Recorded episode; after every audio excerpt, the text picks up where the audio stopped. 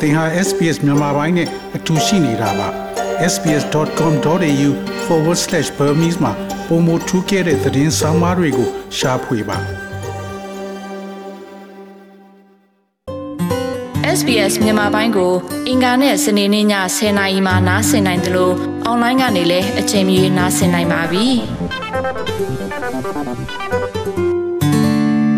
တော်ရရှိမြခင်ဗျာ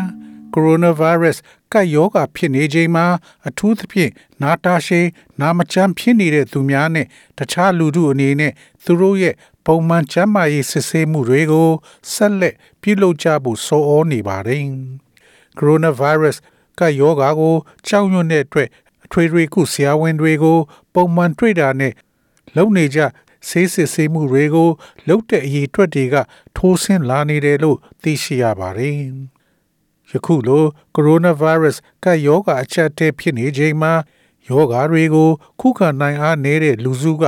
အထူးသတိထားနေနေကြပြီးလူတဦးနဲ့တဦးရှိရမယ်အကွာဝေးကိုလည်းနိုးနိုးကြားကြားလိုက်နာနေကြပါတယ်။ကိုရိုနာဗိုင်းရပ်စ်ကူးစက်မှာကိုကြောက်ရွံ့လို့အတော်များများကသူတို့ရဲ့ GP ဆေးကန်းတွေနဲ့ pathology ဌာနတွေကိုတွားရောက်ဖို့ကိုရပ်တန်းထားကြပါတယ်။ ဒါပေမဲ့နာတာရှိယောဂအခြေအနေရှိတဲ့လူတွေအနေနဲ့သူတို့ချမ်းမာရေးပုံမှန်စစ်ဆေးတာနဲ့ pathology ဆန်းစစ်မှုတွေကိုဆက်လုပ်ဖို့ကိုချမ်းမာရေးအာဏာပိုင်တွေက တိုက်တွန်းနေပါတယ်။သူမှာကိုခန္ဓာခုခံအား immune စနစ်နှိမ့်ချနေသူတယောက်အနေနဲ့ပညာရေးဝန်ထမ်းဒါရှိနီအေတန်ကယခုလိုကယောဂဖြစ်နေချိန်မှာ သူ့ချမ်းမာရေးကိုဆက်လက်ထိမ့်သိမ်းထားဖို့ရုန်းကန်နေရပါတယ်။သူမမှာ type 1စီးချိုယောဂါနဲ့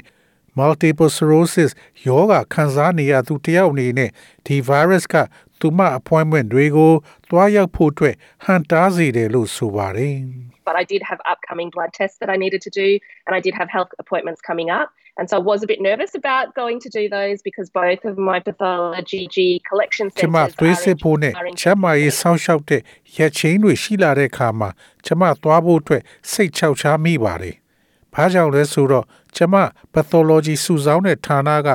GP ဆေးကန်းတွေထဲမှာရှိနေတာမို့ပါ။ ဒါကသူမတယောက်တည်းမဟုတ်ပါဘူး။ထောင်ပေါင်းများစွာသောဩစတြေးလျတွေက ပုံမှန်ဆန်းစစ်တာတွေကိုလုပ်ဖို့အတွက်ဒီကိုရိုနာဗိုင်းရပ်စ်ကိုကြောက်ရွံ့လို့ရှောင်ရှားနေကြပါတယ်။ pathology ဌာနတွေပြောတာကဆန်းစစ်တာတွေလုပ်ဖို့က40ရာခိုင်နှုန်းကျဆင်းသွားတယ်လို့ဆိုပြီးဒါကတနေ့ကို လူနာ6000နဲ့ညီမျှတယ်လို့ဆိုပါတယ်။ဒီစစ်ဆေးမှုတွေကနာတာရှိနာမချမ်း ဖြစ်နေသူများဖြစ်တဲ့စီးချိုယောဂသို့မဟုတ်နှလုံးယောဂရှိသူများရဲ့ချမ်းမာရေးကိုစောင့်ကြည့်တဲ့နေရာမှာအရန်အရေးကြီးတယ်လို့ဆိုပါတယ်။ဒီရက်ချင်းတွေကိုသွားဖို့သူမစိတ်ကိုအားတင်းပြီးမစ္စအေတန်ကသွားပြီးတဲ့ခါမှာတော့သူမဟာဘေးမရှိအောင်လှုပ်ဆောင်ထားတဲ့လက်ထဲမှာရှိနေတယ်လို့ခံစားမိကြောင်းပြောဆိုပါတယ်။ So I did go and get um, multiple blood tests over that period, um, and it was totally fine. Um, and the GP clinics were practicing um, very good hygiene measures in light of what was happening inside. ဒီအချိန်တွင်းမှာကျမသွေးစစ်တာအမျိုးစုံကိုလုတ်ခဲ့ပြီးလုံးဝကိုအဆင်ပြေပါတယ်။အခုလိုဖြစ်နေတဲ့အချိန်မှာ GP ဆေးကန်းကကျန်းမာရေးနဲ့ညီညွတ်တဲ့တန်ရှင်းတိုင်းတာမှုတွေကိုလှုပ်ထားပါတယ်။ဒါကြောင့်ကျမအတွက်ကကောင်းမွန်တယ်လို့ခံစားရပြီး ဒီနေရာကိုသွားဖို့ဘေးကင်းပါတယ်လို့ပါ Royal College of Pathologists of Australia ကအုပ်ချုပ်ရေးမှူးဒေါက်တာ Deborah Grace က pathology ဌာနတွေကဘေးအန္တရာယ်မရှိဘူးလေးနဲ့စွာလှုပ်ဆောင်ထားတယ်လို့ထပ်လောင်းပြောဆိုလိုက်ပါတယ်။သူမပြောတာကသူတို့ကျမ်းမာရေးဝန်ထမ်းတွေကလူနာတွေစီကနမူနာတွေစုဆောင်းတဲ့နေရာမှာတင်းကျပ်တဲ့စံနမူနာတွေ social distancing နဲ့တန်ရှင်ရေးတွေကိုတင်းကျပ်စွာ လိုက်နာလှုံ့ဆော်ထားတယ်လို့ဆိုပါတယ် And that's what we're wanting to assure, uh, reassure uh, people that it, it is safe and it's appropriate. The government is certainly telling you that it's okay to go and get your health checked out in relation to these sorts of things.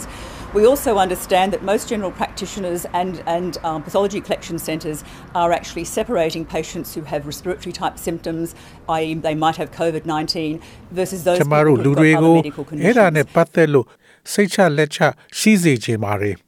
အခုဖြစ်နေတာတွေနဲ့ပတ်သက်လို့သင်ကျမ်းမာရေးကိုစမ်းစစ်ဖို့အတွက်ပြဿနာမရှိဘူးလို့သင်ကိုအစိုးရကသေချာစွာပြောထားပါတယ်။ကျမတို့နားလေတာကအထွေထွေကုတွေနဲ့ pathology စုဆောင်းတဲ့နေရာတွေကအသက်ရှူလမ်းကြောင်းပြဿနာလက္ခဏာရှိတဲ့လူနာတွေကိုတကယ်တမ်းမှခွဲခြားထားပါတယ်။အဲ့ဒါက COVID-19 ရှိနိုင်တဲ့လူတွေနဲ့တခြားကျန်းမာရေးအခြေအနေရှိတဲ့လူတွေကိုခွဲထားတာကိုပါ။ အဲဒီလိုဘေးအနေဖြစ်မှာကိုစိုးရိမ်သူများအနေနဲ့သူတို့ရဲ့ကျမ်းမာရေးစောင့်ရှောက်တဲ့ဆရာဝန်ကို မသွားခင်မှာအရင်ဆက်သွယ်ပြီးအဲဒီမှာသူတို့ကိုအကာအကွယ်ပေးဖို့လှုံ့ဆော်ထားတဲ့တိုင်းတာမှုတွေကိုစုံစမ်းမေးမြန်းလို့ရပါတယ်။တစ်ချိန်တည်းမှာလူနာတွေအနေနဲ့ telehealth ကိုရွေးချယ်နိုင်တဲ့အတွက်ဒါကိုအခွင့်ကောင်းယူလို့ရပါတယ်။အဲဒီ telehealth ကနေဆေးညွှန်းသို့မဟုတ် referral လွှဲပြောင်းပေးတဲ့စာကို digital နီလန်းနဲ့ပို့ခိုင်းလို့ရပါတယ်။မျက်နှာချင်းဆိုင်တွေးဆုံဖို့လိုအပ်တဲ့ရက်ချိန်မျိုးလိုအပ်ခဲ့ပါကသွေးစစ်တာလိုဟာမျိုးက coronavirus ကူးစက်ခံရဖို့အရာနဲတယ်လို့အာဏာပိုင်တွေကယုံကြည်ပါတယ်။အခုလိုလူတစ်ယောက်နဲ့တစ်ယောက်ခွာနေရမယ့်ကန့်သက်ချက်တွေနဲ့ခရီးသွားလာတာနဲ့ပတ်သက်လို့ တင်းကျပ်မှုတွေရှိနေတဲ့အတွက် COVID-19 ကူးစက်မှုနှုန်းကကြာဆင်းလာနေတယ်လို့ Deputy Chief Medical Officer Nick Coatsworth ကပြောဆိုပါတယ် And I would say to Australians that because they've done so well in, in flattening this curve, the chance of you actually encountering someone with COVID 19 when you get your pathology test is actually ကျွန်တော် Australian extraordinarily တွေကို low. ပြောချင်ပါတယ်သူတို့ဒီ curve ကို ပြားသွားအောင်လုပ်တဲ့နေရာမှာအရန်ကောင်းကြပါတယ်သင် pathology ဆန်းစစ်ဖို့သွားလုပ်တဲ့အခါ COVID-19 ရှိတဲ့လူတစ်ယောက်နဲ့ကြုံတွေ့ရမယ့်အခွင့်အလမ်းကတကယ်တမ်းမှာအရန်ကိုနည်းပါးပါတယ်ပုံမှန်ဆေးစစ်တာနဲ့စမ်းသပ်မှုကိုလုပ်ဖို့ကိုရွှေဆိုင်ထားတာကအကျိုးဆက်အမျိုးမျိုးနဲ့ကြုံတွေ့နိုင်ရပြီးနာတာရှည်ယောဂအခြေအနေရှိသူများအတွက်အကြီးအကျယ်ထိခိုက်နစ်နာနိုင်တယ်လို့ဆိုပါတယ်။ တင်တကယ်လို့နေကောင်းနေရတယ်လို့ခံစားနေရရင်တောင်ချမ်းမာရေးဆောင်းလျှောက်ပေးတဲ့ဆရာဝန်ကိုတွားတွေ့တာကသင်ချမ်းမာရေးအခြေအနေပြောင်းလဲမှုကို ရှာဖွေတွေးရှိနိုင်ပြီးအနာဂတ်မှာအဲ့ဒီလူရဲ့ကျမ်းမာရေးရှုပ်ထွေးလာနိုင်မှုကနေအကာအကွယ်ပေးနိုင်မှာဖြစ်ပါတယ်။ diabetes New South Wales အုပ်ချုပ်ရေးမှူး Stewart Eastwood ပြောတာကတော့ type 2စီဂျိုယောဂါကလစ်လျူပြုထားလို့မရတဲ့ယောဂအခြေအနေမျိုးလို့ပြောဆိုပါတယ် With type 2 diabetes, it's possibly even more concerning because many people don't feel sick with type 2 diabetes. And so it's really easy for them to just put it to the side and not have their regular tests and their regular checks. And the problem with that is that even if they're not feeling ဒီ sick, type 2 the စီဂျို damage is ယောဂါက occurring to their ပို body. လို့စိုးရိမ်စရာကောင်းပါတယ်။ ဘာကြောင့်လဲဆိုတော့ type 2စီဂျိုယောဂါကလူတွေကို နေထိုင်မကောင်းတာမျိုးမခံစားစေရပါဘူး။ဒါကြောင့်ဒါကသူတို့ပုံမှန်လုပ်ရမယ့်ဆန်းစစ်တာနဲ့ဆေးစစ်တာတို့ကို မလုပ်ဖို့အတွက်ဘေးဖယ်ထားလိုက်မိဖို့ကအရန်ကိုလွယ်ကူပါတယ်။ပြီးတော့အဲ့ဒီမှာပြဿနာကတင်နေထိုင်မကောင်းဖြစ်တယ်လို့မခံစားရရင်တောင်အဲ့ဒီလူရဲ့ခန္ဓာကိုယ်ထဲမှာပျက်စီးစေတာတွေကို ဖြစ်နေမှာပါ အဆုံးမှာတော့ဒေါက်တာကိုဆွတ်ယုံကြည်တာက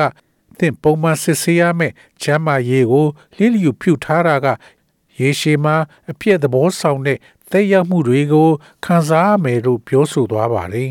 ။သောရရှိမြခင်ဗျာဩစတြေးလျမှာချမ်းမာရေးတာဝန်ခံတွေက လူနာတွေဘေးအနေမရှိဖို့လေးလေးနက်နက်လှုပ်ဆောင်ထားပြီးသင်ကလည်းသူတို့လှုပ်ဆောင်ဖို့ညွှန်ကြားချက်တွေကိုလိုက်နာမယ်ဆိုရင် ဘာမှယောဂကုဆက်တာမရှိနိုင်ပါကြောင်းပြောဆိုရင်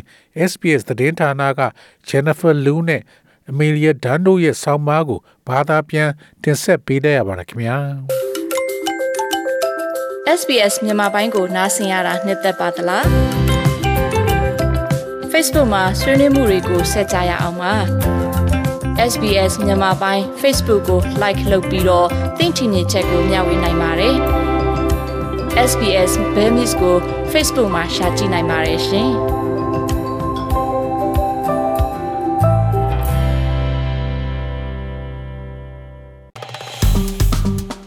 SPS မြန်မာပိုင်းကို Facebook ပေါ်မှာ like ရှာပြီး like မျှဝေမှတ်ချက်ပေးပါ